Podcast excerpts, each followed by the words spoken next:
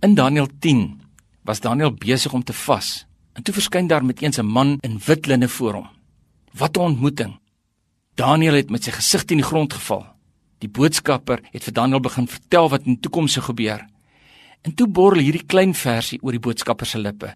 Maar dis 'n magtige openbaring van God wat hierin skuil. Daniël 11:32. Die volk wat hulle God ken, sal vas staan en optree.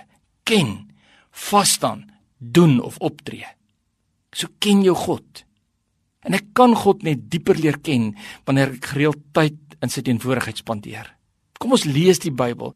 Kom ons bid regtig, nie omdat ons moet nie, maar omdat ons wil. Kom ons wag elke dag op God.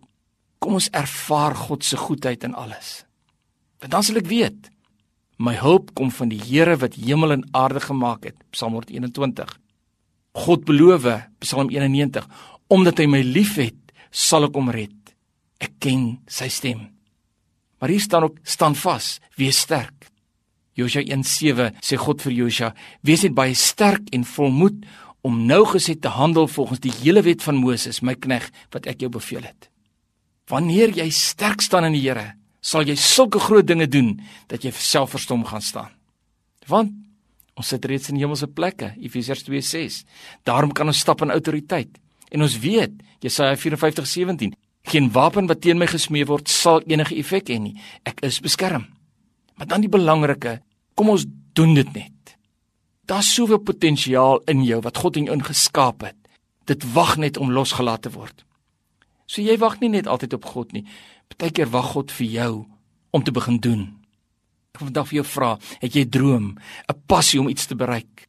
Begin daai besigheid. Spreek nou en sit dit in plek.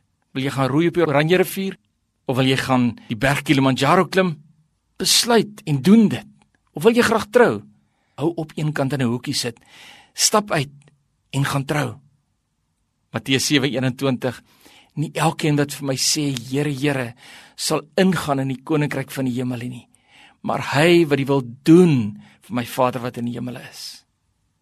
Is jy dalk geroep om in die besigheidswêreld of in die politiek of in die onderwys of waar ook al groot hoogtes te bereik?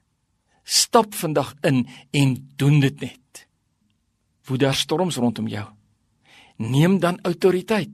Spreek hulle aan soos Jesus die storm op die see aangespreek het. Wees stil. Doen dit net en kyk na die effek. Daar is situasies in jou lewe wat nou reeds so lank dood, morsdood lyk. Staan op en roep hardop soos Jesus gedoen het. Lazarus kom uit. Spreek jou dooie situasies aan en beveel dit om te lewe. Want God sê Die volk wat hulle God ken, sal vas staan en kragtige dinge doen.